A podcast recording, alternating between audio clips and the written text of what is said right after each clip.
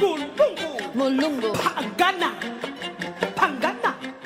Ek gesels nou met die legendariese Hamilton Dlamini en ons gesels oor Willem Kentridge se The Head and the Load. Uh, Hamilton, die titel The Head and the Load. Dit, dit is 'n baie interessante titel, maar ek dink ook dit hou verband met wat in die produksie self aangaan, die storielyn as dit ware. Yeah, the title of the show is interesting. In fact, it's like uh, the entire sentence. It's the head and the load are the troubles of the neck, which is a Ghanaian proverb. So William decided to take that because it's profound. Uh, it was well composed and it related to the story that he wanted to tell about the First World War. Maar wat vertel hy oor die Eerste Wêreldoorlog? He's unpacking what was happening and what was the cause and the end result of the damage that was caused by uh, the First World War. Yeah, it's interesting when you see it on stage because it's a fusion of a, uh, William Kentridge's artwork and the text and some of the words that were uttered by the people who were in power at that time. So it's like taking a sentence and putting it on stage, but when you unpack it, it it's pregnant. It's got lots of uh, connotations which enhanced the First World War and made it what it was. Uh praat so van die Eerste Wêreldoorlog. O- Ons verneem baie van die Mendi skip wat gesink het met swart Suid-Afrikaanse soldate op pad na die oorlog toe. Maar daar is baie ander soldate wat uh ook geveg het en wat dit oorleef het en hulle stories hopelik het nou nog behoue gebly. Um, there's quite a lot that happened, and my problem is we always want to go to the future without knowing our past.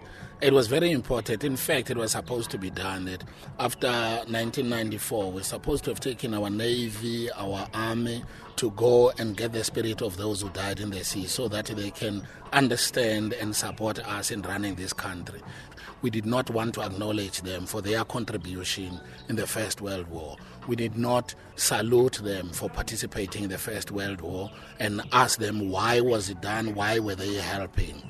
Ek gesels nou met uh, Hamilton Dlamini en ons gesels oor uh, William Kentridge se nuwe produksie The Head and the Load. Hamilton, daar was 'n wonderlike proses waarmee jy begin het om die werk aan mekaar te sit. Vertel vir ons 'n bietjie van daardie proses. William Kentridge doesn't audition. I like him for that. He goes around the country watching other people's shows, and if he finds interesting actors, he picks them one by one and put them in one stable. So it started. I, I think I was doing ten push at the Market Theatre. I yes, I always known uh, William Kentridge as a visual artist, the visual artist who represents uh, South Africa in the whole world. I mean, after Picasso, there's nobody I know except William Kentridge. And I started working with him in Grahamstown. I was doing the show, and then after the show, he saw me performing in that show, and he spoke to Mncedisi Shabangu, who's passed on. Uh, he was one of us in the head of the load. He was the, playing the lead actor. And yeah, then I was called in for a workshop, and we hoid all the little things, you know, uh, in the coffer. Uh, we call it a big coffer, whereby there's no less idea or good idea. Ideas are just idea, according to William Kentridge. And after that, he put the structure together. And this is where the head and the load is currently because of William Kentridge's eye. Yeah, he's able to juggle all the pieces and place them accordingly. Daar's ook baie verskillende kunsvorms wat gebruik word. Yes, the art forms are the visuals by William Kentridge uh, using charcoal, but in, on a big scale now. And then there's music, and there's uh, conventional theater, which is what we use too. And then there are dancers. Uh, dancers like uh, Greg who choreographed a beautiful piece uh, which doesn't have text, but when you put it on text, it makes sense. It's about the pain that travels in a, in a human's body uh, in that particular time uh, of, of the fir- First World War. So Thulani, uh, Thulani Chauke interpreted it in a very outstanding way. I still respect him for doing that. And then they worked together with Greg Maqoma, and then the text was uh, between me, William, and uh, and Mncedisi Shabangu, the one who passed on. And we sat together, and William chose lines, and formulated that and they were put together until they created this this show. Yeah, and I wouldn't say it's a hit show. It's not like we will rock you. tan tan tan tan, Na na na near near near. As uh, uh, this is uh, a theater that pokes. It it, it pokes uh, your mind. After watching the show, you really want to know why this line? Why did I say this line? And it's pregnant. It's got lots of layers. So yeah, it was beautifully put together here at Arts on Main, and I didn't have an idea, to be honest, how it's going to be. But William managed to put it together. So there were there was a fusion of actors, dancers, singers, and yeah, that was put together. And yeah, yeah, here's the head and the load. It's rocking the world. Die kostuums is ook baie indrukwekkend en Kentridge hou daarvan om groot strukture en en kreature as dit ware te gebruik. William has another fascinating eye, especially artistically. The the costumes are done by Greta and Greta is from is from uh, I think Belgium and she's the best. I mean, we wouldn't have had the same texture that we're supposed to have if she wasn't there. And the set was designed by Sabina. So it's it's amazing because everything that was in the uh, was in the period of uh, the First World War, it's in this piece. The the fabric, uh, the colors which were there at that time, and there was a, a specific design of that era.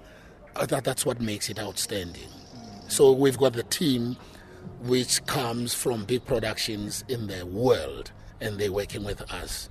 So it's the it's the whole world on one stage because we've got actors from Belgium, Austria, the band from America. It's a fusion of uh, good storytellers and who understand what happened uh, during the First World War. So with that wardrobe, that costume, it's amazing. Salute to Greta.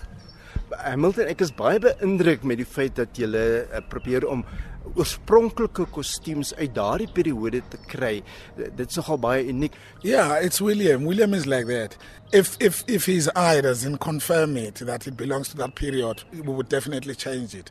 So Greta understands him that uh, if he wants something of that period, definitely she will make sure that she designs something that belongs to that period. And also, she's done a lot of research all over the world to find the right fabric, the, the, the right designs, and yeah. But the confirmation is by William Kentridge because he knows William is like he takes his dreams and he makes them real. And maybe that's what he saw he saw in his dreams, in his sleep, and then voila, it was on stage the way he wanted it, the way he dreamt it. Het jy al voorheen met William Kentridge gewerk? Wat het julle gedoen en het dit jou gehelp in jou loopbaan as 'n akteur en om te ontwikkel as 'n kunstenaar? I worked with William Kentridge in I think it was 2005. I was playing the lead role of Woyzeck. Woyzeck on the Highveld. Uh, we were using the puppets by Handspring Puppet Company. And then William Kentridge was directing there. So I've, I've worked with William since 2005. It's amazing because William is not looking for something big. No, no. He just needs you to be a storyteller. So I worked with him then on uh, until 2010.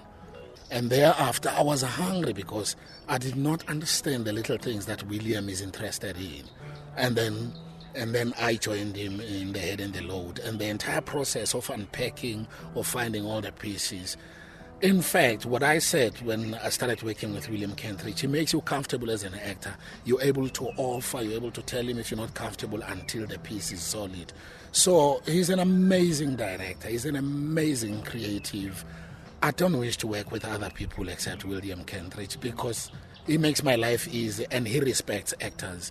He treats his team like a bunch of professionals. He doesn't spoon feed you. He he hints you with a subject and then you unpack. And when you get home you prepare something that you're going to present to him. If he likes it he'll tell you he likes it on the spot. And if he doesn't like it he will enhance it so that it works better. But he doesn't crush anybody's idea. So i love working with him with william kentridge. And i don't see myself working with somebody else except him. Because I enjoy working with him and people respect respect me for working with William because of his interpretation.